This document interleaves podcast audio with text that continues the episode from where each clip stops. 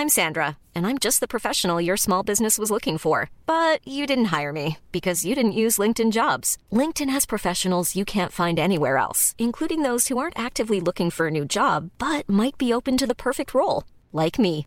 In a given month, over 70% of LinkedIn users don't visit other leading job sites. So if you're not looking on LinkedIn, you'll miss out on great candidates like Sandra. Start hiring professionals like a professional. Post your free job on linkedin.com/people today.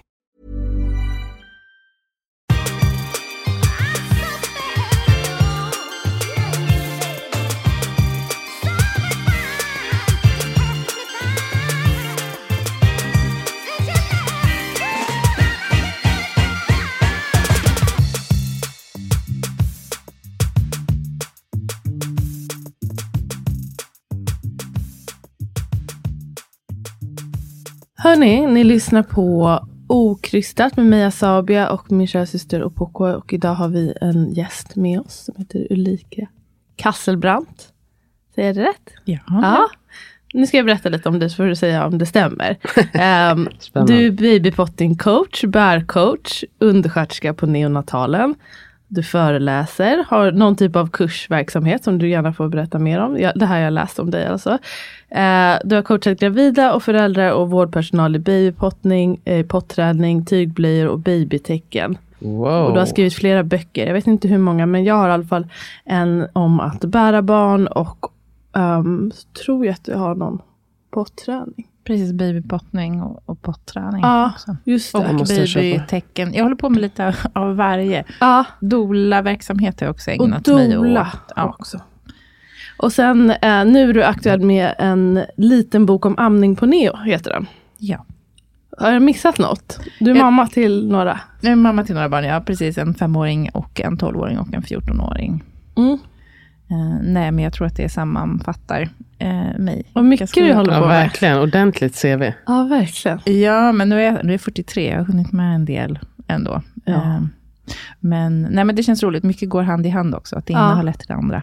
Hur länge Ja, har du jobbat på neo? Eh, tre år har jag varit där. Okej, inte superlänge då. Nej, Jag tänkte att det var längre. Vad gjorde du innan dess? Eh, Då bedrev jag kursverksamhet i bärande för gravida och sen skrev också, eh, jag skrev böckerna om, om babytecken och potträning. och Babytecken, så är det. Alltså inte som Ah. i tecken som man har i sängen. Nej, Tecken. precis. Tecken, du vet, alltså när man använder tecken Ja. för att kommunicera.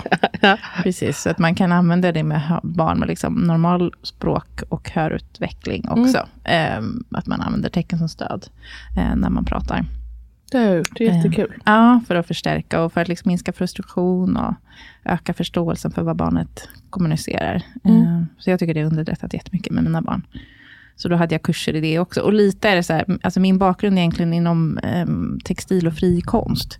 Från Konstfack. Ah, okej. Eh, och sen fick jag barn och så snöade jag in på massa grejer som har med barn att göra. Liksom bärande och, och babypottning. Och så, så blev jag så frustrerad att man inte fick information via B- BVC. Liksom. Mm. Att jag mötte att den, den bilden av hur man, hur man bör vara förälder inte riktigt stämde överens med andra saker som jag plockade upp hos vänner och sådär. Och Mm. så fanns det inte så mycket litteratur på svenska eller information på svenska eller så.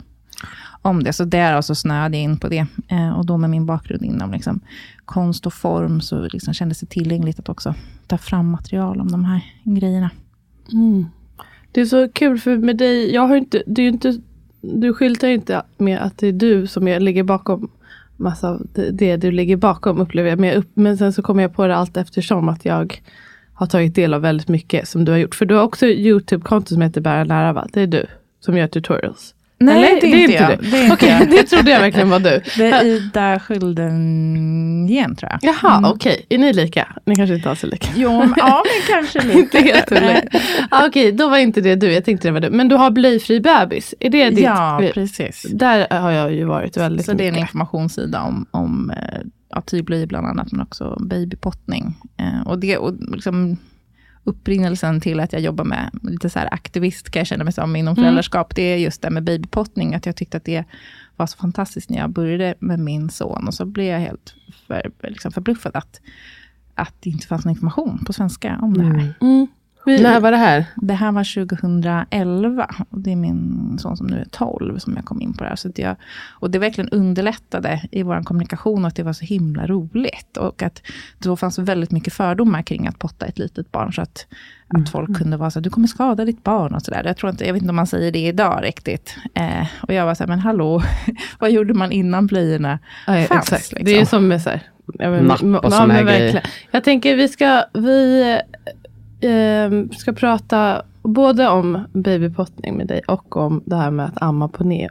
För att inte röra ihop det helt så kör vi eh, neo-pratet först. Så håll Ja. lite på babypottningen. Men det, jag tycker det är jättekul ämne. Och det hittar jag verkligen via. Alltså, det måste ha varit Ja, vi får se. Det ska vi prata om sen som sagt. Ehm, men hur, hur kommer det sig att du började jobba på Neo eller att du hittade dit? Ehm, Vi börjar med. Jo, det var nog under, jag blev doula 2016, tror jag att det var. Och sen så körde jag några doula-uppdrag och sen blev jag sugen på att få se mer. Liksom. Jag ville komma in i personalrummet och veta, hur går snacket liksom? Ja. Och så ville jag känna att jag var, alltså man är välkommen som doula, men jag ville vara ännu mera välkommen. Liksom. Mm. Jag ville verkligen ja, få jobba mer med födande. Eh, och då så tänkte jag men jag kan jobba som undersköterska på förlossningen kanske. Mm. Det behöver inte kräva så mycket utbildning och så. Ehm, så då blev jag undersköterska och sen hade jag en, en kompis som jobbade på Neo. Hon bara, men ska du inte komma till oss istället? Så tänkte jag, ja visst, jag kan väl kanske komma dit och göra praktik. Och så blev jag helt fullkomligt förälskad i Neo. Så otroligt intressant eh, liksom, arbetsplats. Väldigt komplex eh, och mycket ansvar som undersköterska, vilket är väldigt, väldigt roligt. Mm. Ehm, sen har den där förälskelsen lagt sig lite grann. Okej, vadå Det är väl så med allting. Nej, men det är ju också, det kräver otroligt mycket engagemang, tycker Mm. jag, för att kunna jobba så professionellt som jag vill jobba.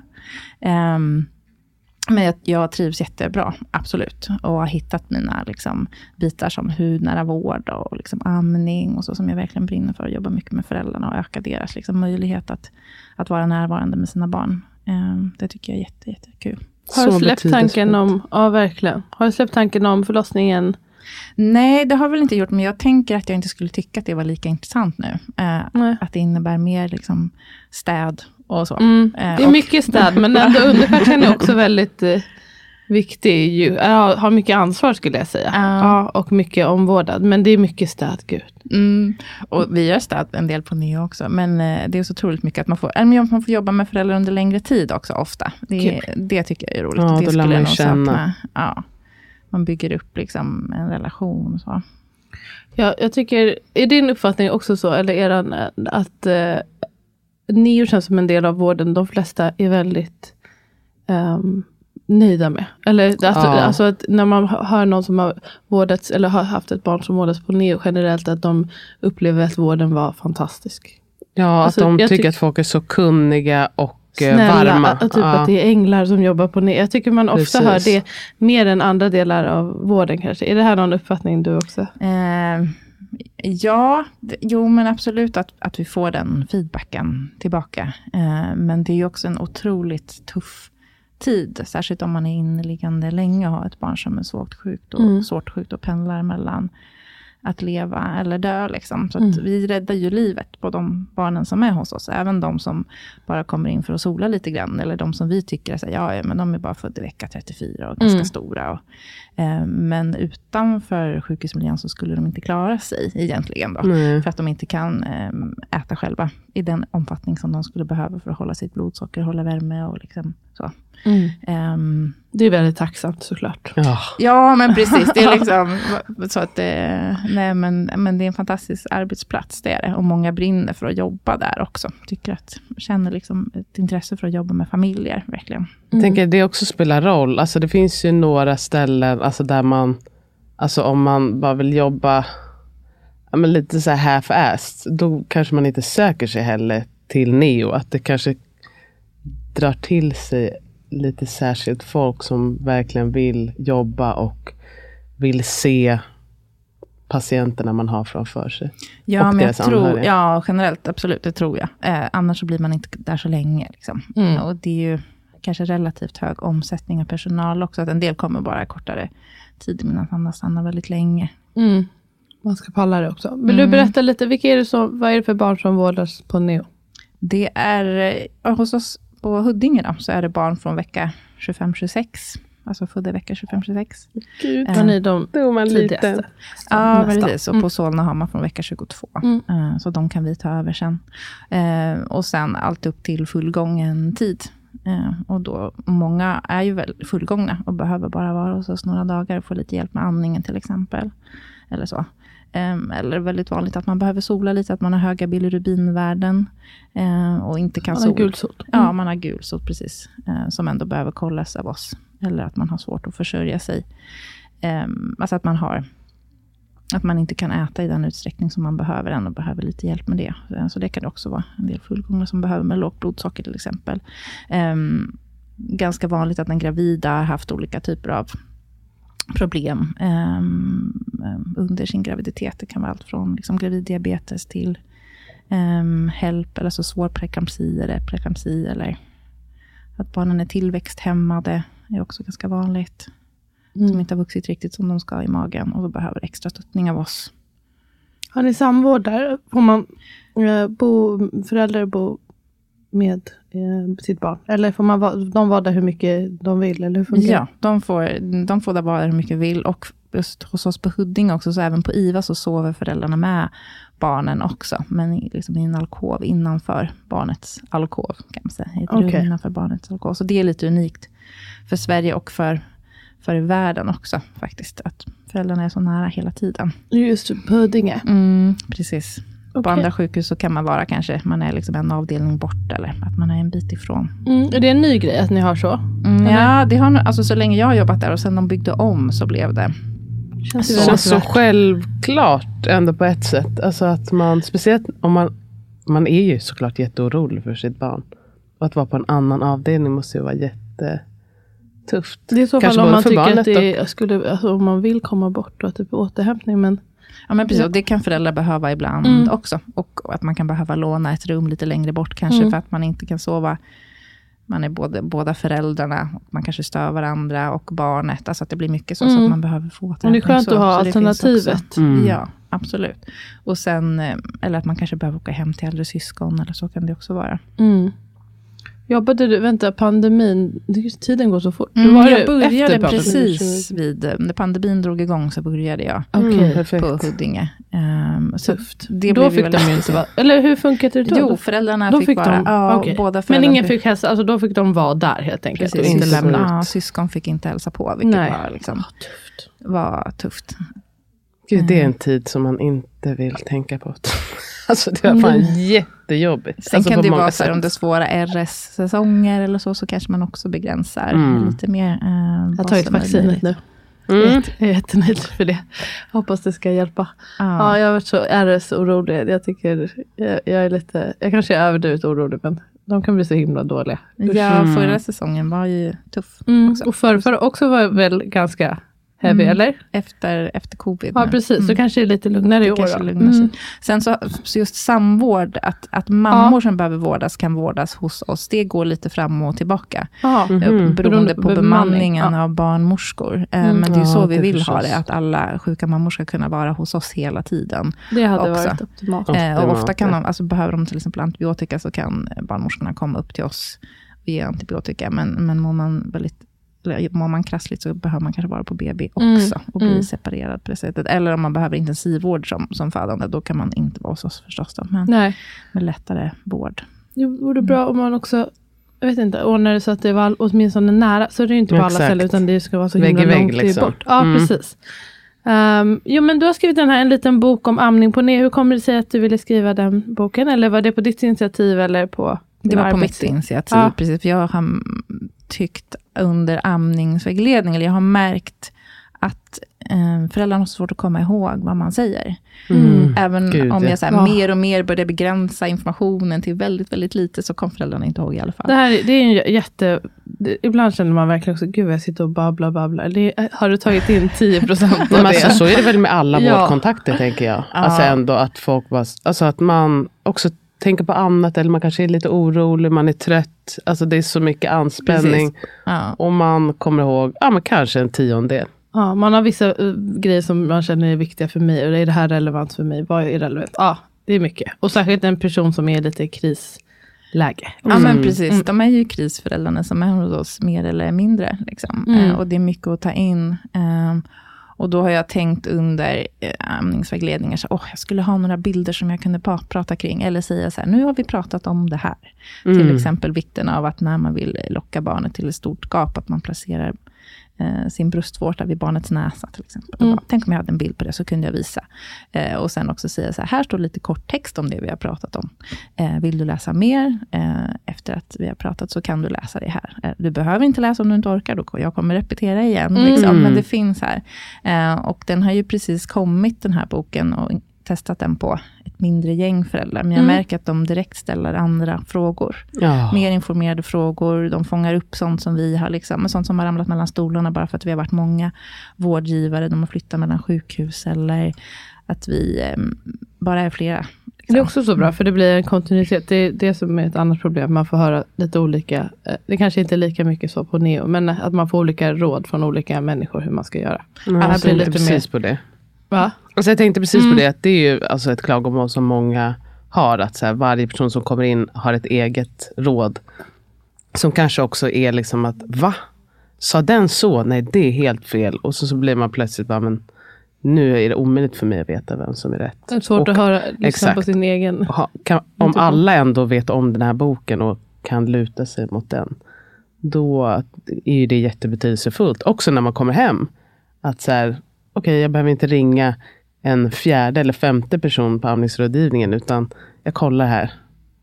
Så liksom är jag uppdaterad igen på vad som behövs. Mm, jo, men precis. Och det är min önskan att vi ska kunna bli mer samstämmiga. Och den här mm, kommer kunna ges ut till alla föräldrar på Huddinge Neo och Danderyds Neo och Solnas Neo de kommande två åren. Borde den räcka till, för vi har fått möjlighet att göra en väldigt stor tryckning av böcker. Kul. Och det är oftast Perfekt. mellan de här tre sjukhusen som vi i Stockholm då skickar Mm. eh, patienter. Eh, och så får vi väl se eh, neonatalavdelningar runt om i, i Sverige, om intresse finns för den här boken, eller om de vill ta fram liknande material, eller vad de nu känner. För mig känns det lite absurt att vi är så här 2023 och den här boken fanns inte.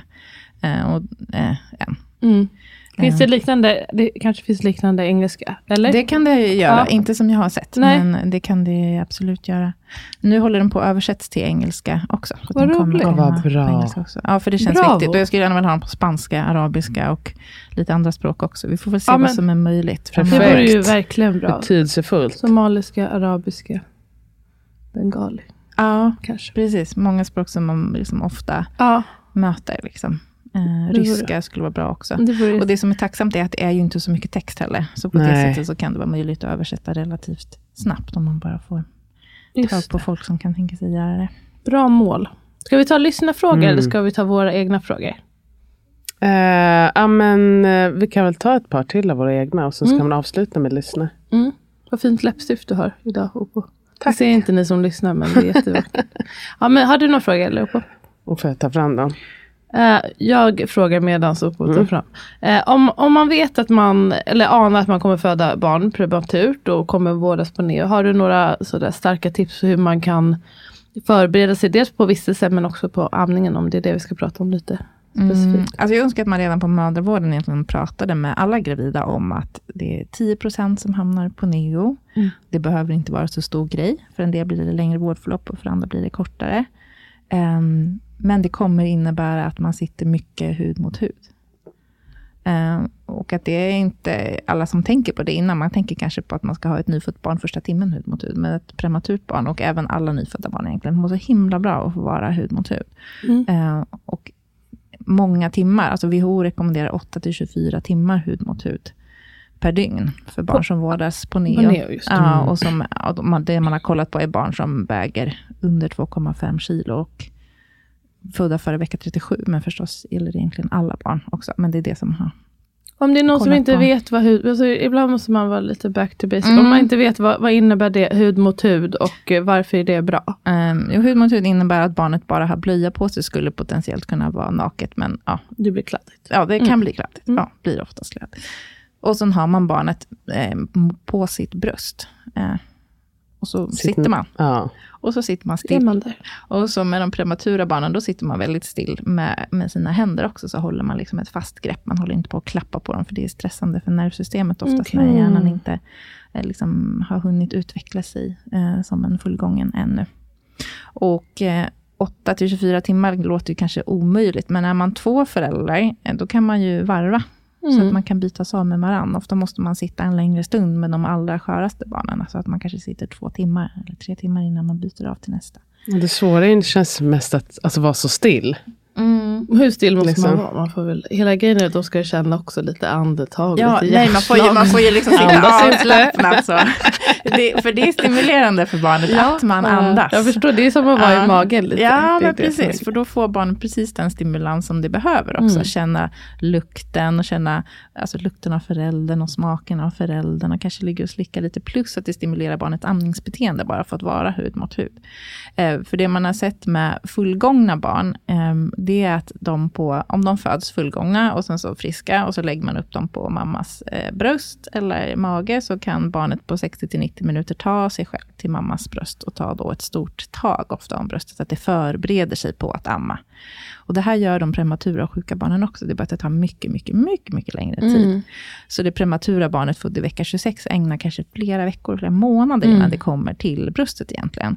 Så då kan man egentligen säga amningen gynnas av att barnet får ta det i sin takt också. Så, så egentligen så kan man med det prematura barnet, för att det ska nå fullgången amning, det att det bara får ligga hud mot hud. Och sen så kommer det ta sig till bröstet. Nu brukar vi hjälpa till också, för Mm. alltså stötta barnet. Eh, kanske när det börjar göra liksom kryprörelser mot bröstet, att man kanske hjälper barnet mot eh, bröstet. Men får det chans att gapa upp och träna på det, eh, och inte forcera in bröstet i munnen, utan det får chans att ta det i sin takt, så kommer det också träna på att gapa upp och Mm, sänka ner precis. tungan. Och liksom, man kan se den här vecka 26 som ligger i en kuvös, eller ligger på mammas bröst, och håller på att jobba med tungan och försöker arbeta med att liksom sträcka ut den. Och då tar det flera veckor för det barnet att, att lära sig det, medan det för det fullgångna friska barnet, och den ägnar några minuter åt att träna på att sträcka ut tungan, liksom, har gjort det redan i magen. För man ser att foster i vecka 12, så har de redan gjort alla de här nio stegen som, som de Ah, ska okej. göra för att ta sig till Otroligt. bröstet. Så här. Vecka 12. Ja, och så fortsätter de under hela graviditeten på att träna på det här. Och då som fullgången så är man liksom beredd på att göra den här resan. Och det, det är ju, när man tänker på det, ja, det är ju självklart, för de måste ju kunna försörja sig. Alltså, Det är det de ska äta. Det är överleva. det, ja. Ehm, och det kan folk undra, varför ska man... Alltså, det, det, för dig är det kort tid kanske, att det tar liksom en, två timmar. Men det kan ju folk känna att det är lite stressigt bara Mm. Ja, men visst, jag vet, lång jag, jag, jag, mellan, min mellanbarn så tänkte jag att jag, han skulle få liksom ta sig till bröstet själv, att det Mm. finns någon så här video inspelad. Jag ser hur hetsig jag är på honom. Liksom. Att jag, hade så, jag hade inte alls ro, liksom. men jag tänkte så här, jag, jag, att jag var så hetsig på att han skulle käka. Men, så att, eh, absolut, så att då får man det, så det jag kan känna som vägledare i amning på neo, det är mycket att så här, stärka föräldrarna att ha tålamod. Mm. Att se de här små försöken och se de här små signalerna, så att de ser att, att det här är verkligen stort, att barnet håller på att sträcka ut tungan här. Alltså jag tänker för, jag, dels att det, det är ganska coolt att se. Jag tycker att det kan Ja. också eh, öka ens förtroende för barnets förmåga att förstå att den kan. Men också som, det är, som du säger att det underlättar oftast amningen när de får eh, använda sina instinkter och göra det i deras takt. Så att det blir en fungerande amning sen istället för att man ska köra in bröstet i munnen så blir det ett dåligt tag och så blir det liksom Precis, en det le- spiral. ja, och det leder till större risk för komplikationer, Mm. alltså så som att det blir sår på bröstvårtorna, så när barnet inte grepp, liksom greppar bröstet ordentligt. Mm. Men det här känns som att alltså, det här är ju inte tydligt att personal på förlossningen har koll på. Alltså det är nästan alltid skulle jag säga. Alltså att de bara så här, Så lite kanske Ja, man hjälper det- till lite grann. Ja, alltså jag skulle säga alltså, varje gång jag är på sjukhus så ändå är de bara så här, okej men du kan ju lägga ehm, alltså barnet mot bröstet. Det är väl också, Även om handlar det har väl en gått 20 arbetsmiljö minuter. som är så här stressig, att man måste beta, bocka av grejer. Kan jag tänka mig. Ja. Att det handlar lite om. Men det kan man ju också, eh, om det är stressigt och man känner att man har kanske hjälp att få under begränsad tid, att man kan göra det här lite senare också på BB. Låta barnet hitta bröstet. Då. Alltså det finns ju tid att Mm. göra om det. Ja, för det är ett reflexivt beteende, Mm. så barnet håller ju på med det här. Jag vet inte hur många veckor eller månader efter egentligen, men eh, det fortsätter ju med att göra det. Du svarade ju nästan eller delvis på båda de här första frågorna som jag hade. Vad är den största skillnaden på att amma prematur versus fullgången bebis? Det var ju delvis då att det kunde ta längre tid innan liksom den har lärt sig tekniken. Men är det något annat sådär som... Eh, de är trötta. De är Eh, trötta. De är trötta. Ehm, Så att det, och även fullgångna som föds liksom, och har problem med andning till exempel, de är också trötta. De prematura är väldigt trötta. Så man, energy management, jag har inte hittat något bättre uttryck. Eller liksom, Energihantering. Ja, energihantering. Ja, men där var det. Tack. Ehm, för att man måste se till liksom, vad har de för energinivå och passa på verkligen när de um, verkar sugna på att vilja till bröstet. Man kan inte säga, ja men väntar du där inne i en säng, jag ska bara eh, hitta på något annat Mm. först. Liksom. Utan då, Kan luckan vara... då kan luckan Stängd. vara stängd. Mm. Precis, de, de prematura barnen, de kanske signalerar liksom med väldigt tidiga signaler bara och sen somnar de igen. Så det bästa är ju egentligen då också, om de får vara hud mot hud, så är bröstet nära eh, direkt. Eh, och de kan liksom jobba på mot bröstet i den takt och den ork eh, som de har.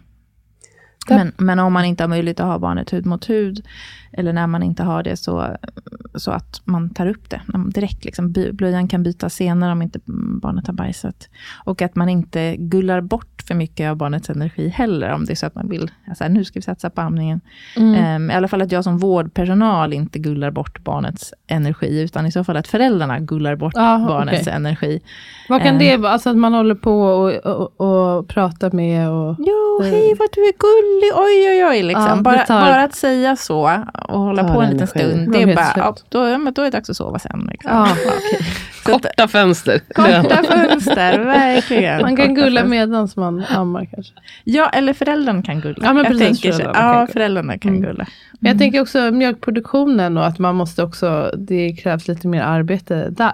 Ja, man måste hjälpa till att få upp mjölkmängden. Mm. Så att man behöver eh, pumpa eh, mjölk. Riktigt, hur, hur pass mycket? åtta gånger per dygn. Eh, Och dygnet runt helst? Dygnet eller? runt Mm. helst, ja. Eh, för att man har så mycket prolaktin, som, som eh, det här mjölkbildande hormonet som finns på natten.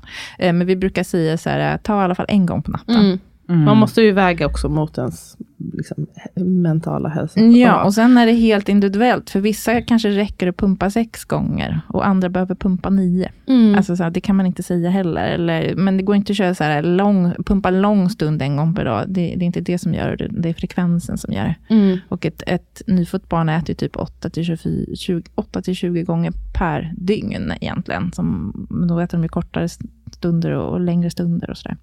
Så att så länge barnet fortfarande får tillmatning via sond, alltså extra mat via sond, eller får bröstmjölk via sond, eh, så behöver man fortsätta pumpa. Men det kommer inte pågå för evigt heller, pumpningen. Nej. Även om det kanske känns så när man sitter och pumpar. Och det är en stor grej det här med att kämpa med pumpningen. Men om man har mjölk sen när barnet väl kommer igång och amma, då är tröskeln så mycket lägre att få en fungerande amning Mm. än om mjölkproduktionen är väldigt låg. Och det man ska lägga krutet på då är verkligen, det är de första två veckorna. Eh, även om man är en stor omställning och blir förälder, så, så det är då så eh, programmeras mjölkkörtlarna lite grann för hur mycket mjölk som sen ska bildas. Så lägger man krut de första två veckorna så brukar man komma upp i mängd. Och då är det så här 500 milliliter per dygn som man helst vill komma upp i, eller mer. Men om man kommit upp i det, och det kan låta mycket också om man jämför med de första små dropparna som Mm. kommer. Men pumpar man bara åtta gånger per dygn, eller sju, åtta, nio, beroende på hur många man behöver, eh, så kommer man upp i den där mängden eh, i regel. Och då är det mer okej sen att mjölken liksom går ner för att man kanske hamnar i någon kris för att barnen mår väldigt dåligt. Eller alltså sådär. Det här är ju även gäller fullgångna, att om man Ja. får till, det går att, lösa sen också, men man underlättar väldigt mycket om man får till den här tidiga amningen första veckorna. Precis. Och, och det här är ju då, ehm, alltså, det här är ju generellt. Mm. Så det är olika också. Och det kan vara så att man är svårt sjuk i HELP eller haft en eh, jättestor bristning kanske, eller stor blodförlust. Eller, så Mm. det tar tre dygn innan man ens liksom orkar lyfta på Mm. huvudet. Så kan det vara. Och det är bara så, här, så tidigt som möjligt. Kom Mm. igång så Ja. tidigt som möjligt med att stimulera helst mm, inom första timmen. Och då, men då räcker det med handstimulering det första dygnet egentligen. Och sen eh, pumpning efter det. Men man får ta det så snabbt man kan. Och det, det kan vara den här mamman som har help och eh, tar en vecka innan hon kommer igång. Hon kanske ändå kan lyckas amma tvillingar, har Mm. jättestor produktion. Ja, visst är det Alltså, så. så det är lite genetiskt också där vad som och hur man, hur man mår och, och så. Men Mm, vi kan ha föräldrar som mår liksom, ja, vi kan ja. ha föräldrar som, som har mått liksom jättedåligt och varit kanske deprimerade under vårdtiden och haft barn som har fötts med någon genetisk avvikelse som man upp, liksom, och ändå har en enorm produktion av mjölk som Mm. kan doneras. Alltså, Mm. Även om man tänker liksom att det är kopplat till det psykologiska också, att man, är man i kris så kanske mjölken sinar, men så behöver det absolut inte vara, det kan vara precis tvärtom också. Ehm, vad tänkte jag på?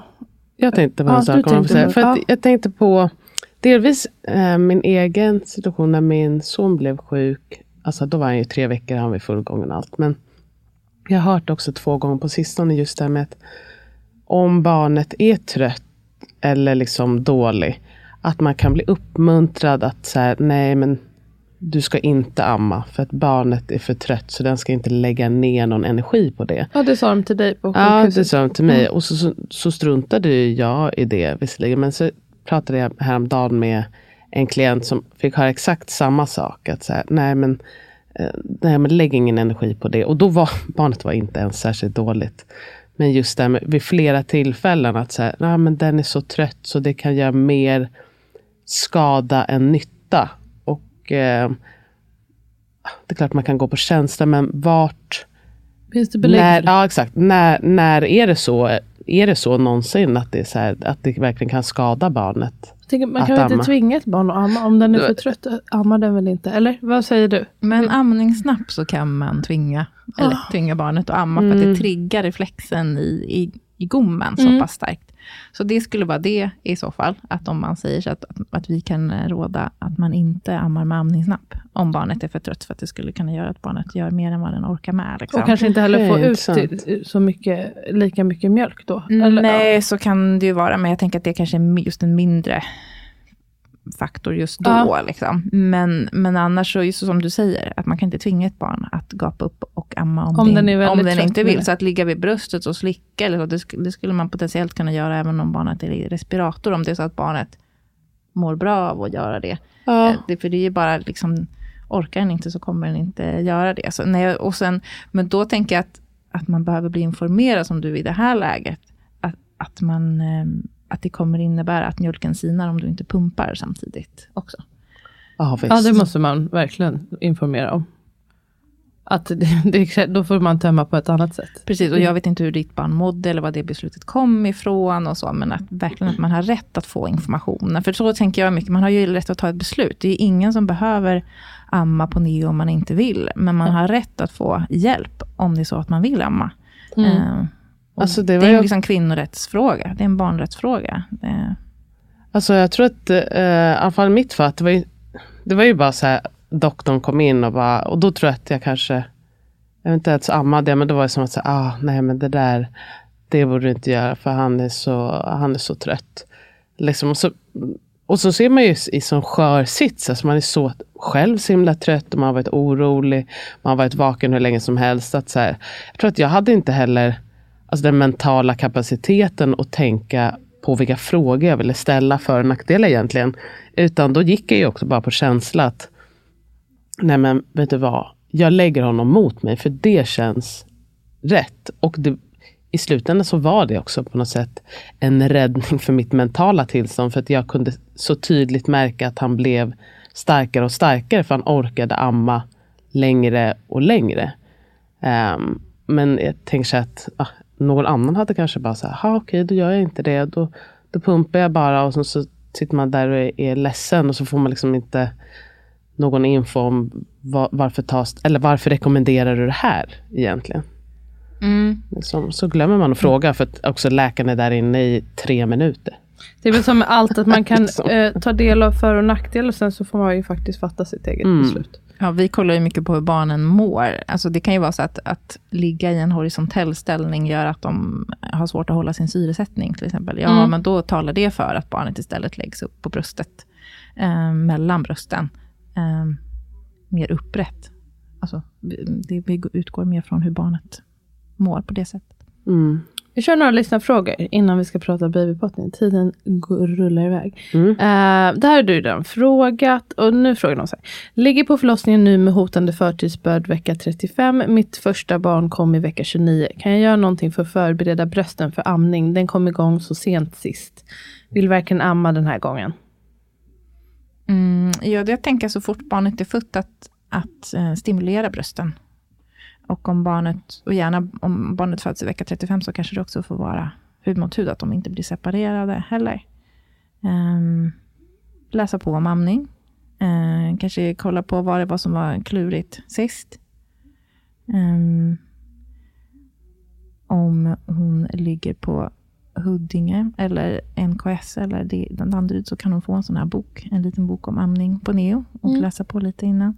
Sen som är vecka 35, då kanske man kommer direkt till BB och barnet kanske orkar amma mm. eh, också. Det är också något helt annat än att få ett barn Även om vi har barn på, vi har ett mm. samarbete mellan neo och BB eh, på Karolinska sjukhus, där vi har så sond på BB, att de får tillmatning via sond samtidigt som de lär sig amma. Mm. Så det kan ju hända också. Men annars är det att informera sig om amning. Det finns ju en väldigt fin eh, blogg av Lisen Forsberg som heter babybaby.se. Där finns ju jätteinformation. Mm. Jättemycket information man kan ta del av.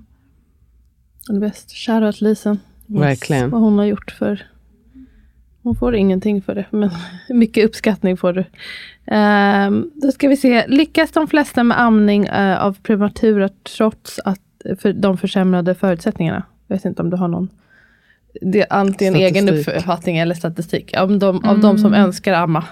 Ja, att det är väl lite olika. Eh, de som föds väldigt för tidigt i vecka 22, då får man hålla ut länge. Liksom. Så då är det ju en mindre andel än de som föds i vecka 34. Ja, du säger att majoriteten har en ambition att amma, eller? Ja, det skulle jag säga. Mm. Och, vill ge, och sen kan det vara olika också, att man kanske vill ge av sitt kolostrum, mm. men man vill inte ge mer mjölk, mm. eller att man vill ge eh, bröstmjölk ja, via nappflaska, så kan det vara, eller att man vill amma, men de flesta är intresserade av att ge, så de flesta är ändå ganska öppna för att vi får se hur det, hur det går. Mm.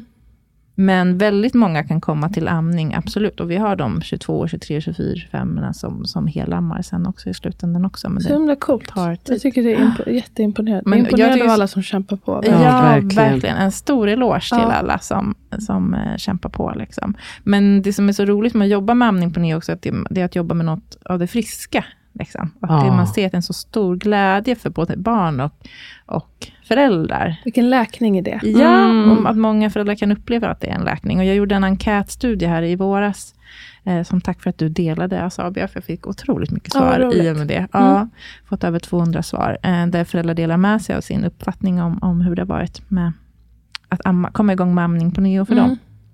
Och det är ett otroligt rikt material att ta del av, allas eh, svar. Men det visar också att hur läkande det kan vara för många. Eh, att det liksom blev våran stund efteråt. Att det var ett sätt att, att bearbeta mycket av det som inte blev en bebistid som jag ville ha. Men amningen mm. Eh, fick vi ändå på vårat sätt. Liksom. Upplever det även om någon som har haft traumatisk födsel, om amningen kan fungera, så kan det vara en stor läkning i det. Och också tvärtom, om, om, om också amningen fallerar, så kan det liksom försämra. Ja, på den här tanken om att kroppen inte en och så. Ja, verkligen. Precis. Men då måste jag få lyfta också att, mm. för många som inte, eller i mina kretsar då, bära barn-kretsar, att där man har känt att amning inte har fungerat, så ändå så här, då har bärandet mm. fått vara läkande. Mm. Att få vara mycket hud mot hud, eller ha barnet nära med, liksom med sig i en bärsjal eller bärsele, har varit Liksom, ja, men då har vi hittat det och man ja. kan flaska i bärsjal och bärsele också. Eh, och att det liksom blir en väldigt oxytocinfylld liksom, njutning som mm, man också får chans att ta del av, även om man inte får amning. Alltså, det vill jag verkligen lyfta. Det är ett också. bra tips. Um, jag väntar tvillingar, barn två och tre. När ska jag börja spara mjölk? Något annat jag bör tänka på? Hur brukar ni säga med, alltså, jag, jag gör ju lite min egen grej. Vi har ju inte sådana riktlinjer egentligen.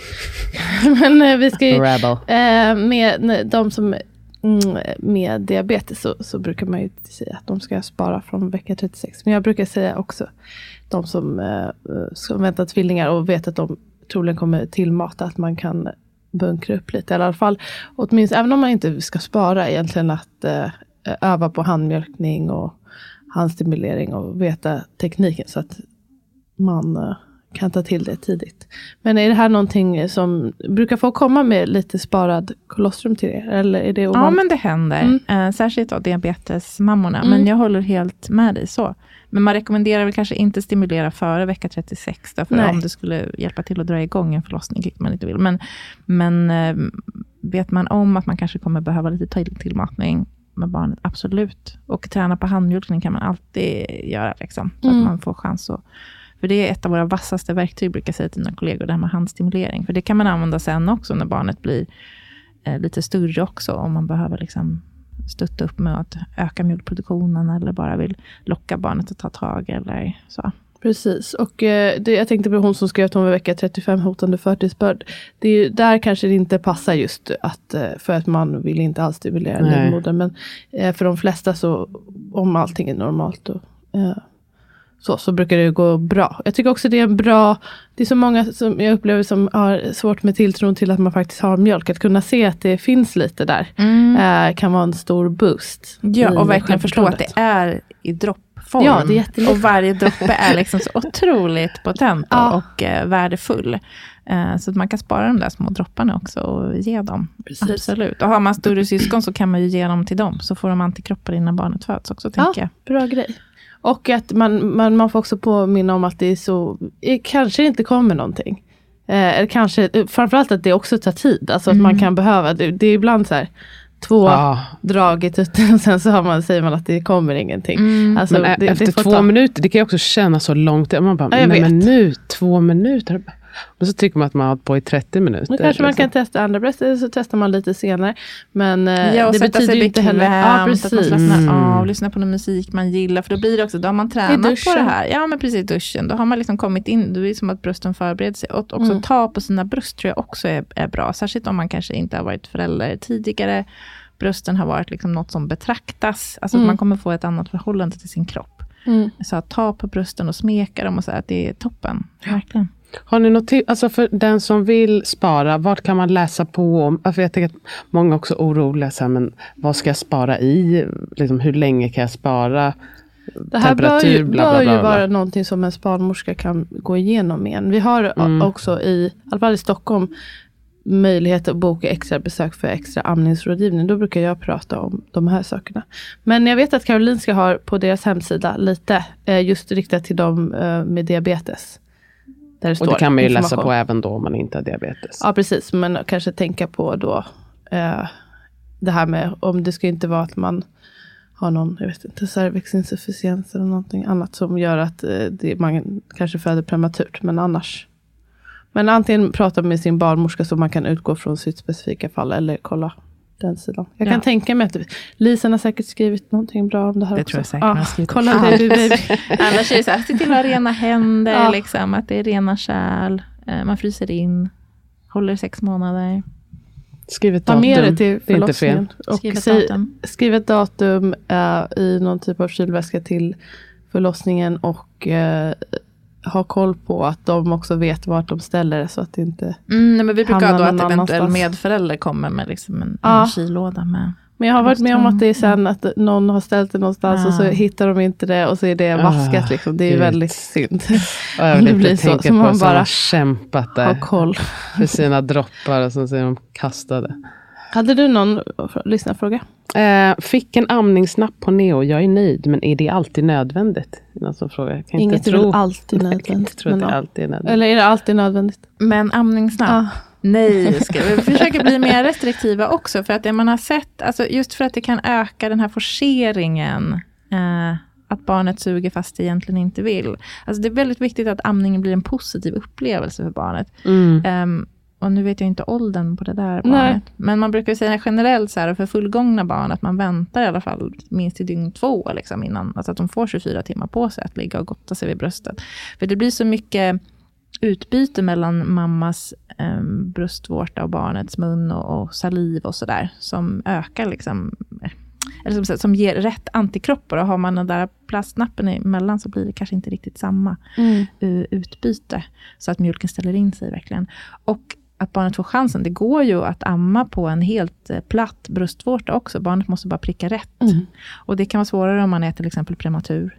Eh, men det man har sett att om man introducerar en amning snabbt, till exempel före vecka 34, Eh, så, så kan man se, se så här, åh, titta vilken bra amning här, barnet suger utav bara den. Det är bara att barnet suger utav bara helvete och kan inte sluta, liksom, tills barnet kollapsar. Okej. Utan det är viktigt att man ser, används en, en amning snabbt, så måste barnet kunna suga och svälja och pausa, liksom, och ha den rytmen. Eh, Alltså blir det så även om man märker, den, den får i sig mjölk och det kommer, alltså då ändå att det blir det här hets, eh, att man inte kan sluta för att sugreflexen blir så så stark. stimulerar han, Mm. precis. Så att efter vecka 34 så brukar barnen kunna eh, kontrollera det där Okej. bättre. Och det är individuellt. En Mm. del kanske kan klara det innan och en del behöver vänta längre. Och just det att, att det är så lätt som, som vårdpersonal eller förälder också känner att man vill att det ska gå snabbare. Mm. Medan barnet i vecka 32, gud, det bara guttar sig vid bröstet. Liksom, har värsta time of his life. Liksom. Mm. Och så visar, och bara ligger där och söker och slickar och grejer. Och visar, åh titta nu ska vi se till att Mm. den suger också. Barnet bara, men vänta, jag är inte alls beredd på att göra det. Det här är än." en Liksom. del av hela min Ja, grej. Det här är en Ja. del av min grej. Liksom. Verkligen. Låt mig få ta det i min takt. Mm. Och att barnet måste lära sig att suga svälja, andas och koordinera det. Eh, och det är inte så enkelt i början heller. Så nej, det är absolut inte nödvändigt. Men för många kan det vara en hjälp och då Mm. kan man använda det. Men det är inte förstahandsalternativet, utan man kan så här, försöka stimulera brösten, kanske genom handmjölkning eller genom pumpning, för att få den här mer styvare bröstvårtan, om det är så att man har en flack bröstvårta till exempel. Eller Mm. bara stimulera bröstvårtan med händerna, gör också att den, att den blir mer styv. Mm. Vilket gör att det är lättare för barnet att få tag på den. Eller att man använder olika grepp, som eh, hamburgergreppet till exempel, för att forma bröstvårtan så att den blir mer styv också, så att det är lättare att få tag på den. Så gör det i första hand. Eh, och, och funkar inte de grejerna, nej men absolut, eh, testa en amningsknapp. Men det är ändå någonting som man sen ska hålla reda på. Liksom. Se till att Visst. få med och de är genomskinliga så att man tappar bort dem. Och så. Så, men de är fantastiska verktyg när de behövs. Ja, men, precis. men inte att det ska vara förstahandsvalet. Man behöver inte vara, använda dem för lättvindigt. Det är bara bra att veta. Och jag tycker också att man kan vara för dålig på att berätta om hur man kan göra för att sluta med dem. Alltså att Ja. det, liksom, det kan bli knepigt. Och sen också att, att lite för lättvindig, nu har jag inte att göra med, med prematura, men på BB, liksom att man ser kanske någon har sett någons bröst och avfärdar att du kan, det kommer typ Det inte, kommer gå. inte gå. Och som du säger, man kan ju faktiskt amma på en helt plan. Alltså de kan ju suga på en arm liksom. Eh, och att man måste få... och det gör de. Ja, Ja, verkligen. precis. Alltså man får ge det en chans. Det är väl, mm, jag tycker, de som har sådär liksom riktigt inåtvända, att det kan, där kanske det, det går ju också, det mer att det kanske blir väldigt smärtsamt. Men eh, att man får i alla fall ge det ett försök. Man kan amma på alla bröst. Och så är det lite svårare på vissa. Men det går. Och få info om hur man ska sluta. Precis, för det har man rätt till att få också. Alltså att man, när Mm. man får en amningsknapp, att man direkt får, re- direkt får information om, om hur man kan avveckla den också. Mm. Och att man kan göra det till exempel successivt. Vi kan ju ta det redan nu också, Mm. om folk Ja, lyssnar. berätta. Eh, man kan göra det på flera sätt, men när man märker sen att man tycker att amningen börjar bli liksom etablerad och fungerande, så kan man testa att erbjuda utan amningsnapp och se hur barnet reagerar. Det kan vara olika över dygnet, kanske funkar på natten men inte på dagen eller tvärtom. Eller att man låter barnet amma först med amningsnapp en stund och sen så tar man bort den och barnet fortfarande liksom är vaket och, och aktivt. Eh, Eller så trivs man jättebra med den där amningsnappen och så kör man den Ja precis, alltså det är inget det är inte fel. fel heller. Nej det är mer om man tycker att det är bökigt. Det blir ju bara en grej till att ha att göra med. Men om, den inte, om det är inga problem då kan man ju köra på. Det är Mm. bra att du säger det också. Ska vi, uh, säger du en till? Eller Nej, jag tycker att vi ska avsluta och sen ett Ge ett till litet avsnitt. kort Ja. Babypottningsavsnitt. Okej. Ehm, tack Ulrika för neosnacket. Har du något, eh, något vi har glömt och frågat? Något som du känner att du vill berätta? Mm, man kan ju prata om det här i timmar. Ja, jag tror inte. Men hud, man- ja. hud mot hud är liksom grundgrejen. Massor med hud mot hud. Mm. Ehm, och, och det gynnar amningen. Och sen bara ha tålamod. Det är det Hud där. mot hud och tålamod. Man är lite stressad. In, alltså djupt in det, när du beskrev det där, bara så här, att bebisen bara är där och tar det lugnt och så Ja, kommer wow, vad en stor jätte som bara ska suga från start. När man, så fort man kommit ut ska man jobba. Det är typ så. Prestera för fan. Ja, men eh, tack snälla. Och, eh, den här en liten bok om amning på Neo, den kan inte ni köpa tyvärr. Jo, Än så länge. finns- Kan ni det? Okej, från och med idag. Ni när vi köpa spelar den. in där så finns den på nätbokhandlarna. Okej, vad roligt. Så det här, kul. Jag vet inte exakt när det här kommer komma ut. Men då kan ni köpa den här. Gud, vilken fin present kanske. Och ge till någon som ligger på neo eller... Ja, eller vet att det är stor chans. Ja, Eller risk eller vad man Ja. ska säga. Jag önskar att all, all vårdpersonal som Och jobbar med, gravid, med gravida också skulle få chans, eller på BVC också, bara för att få en uppfattning om att, ja. att det här är en lite, det är amning, men att den kräver liksom lite mer för att komma till skott. det här ska jag ta med till arbetet.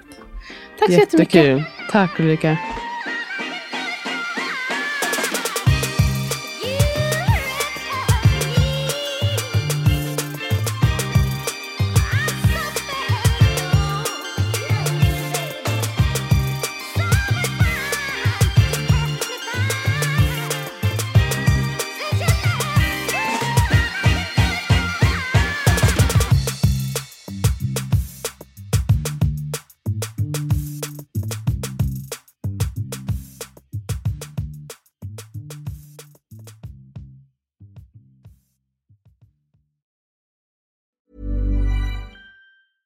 Planning for your next trip?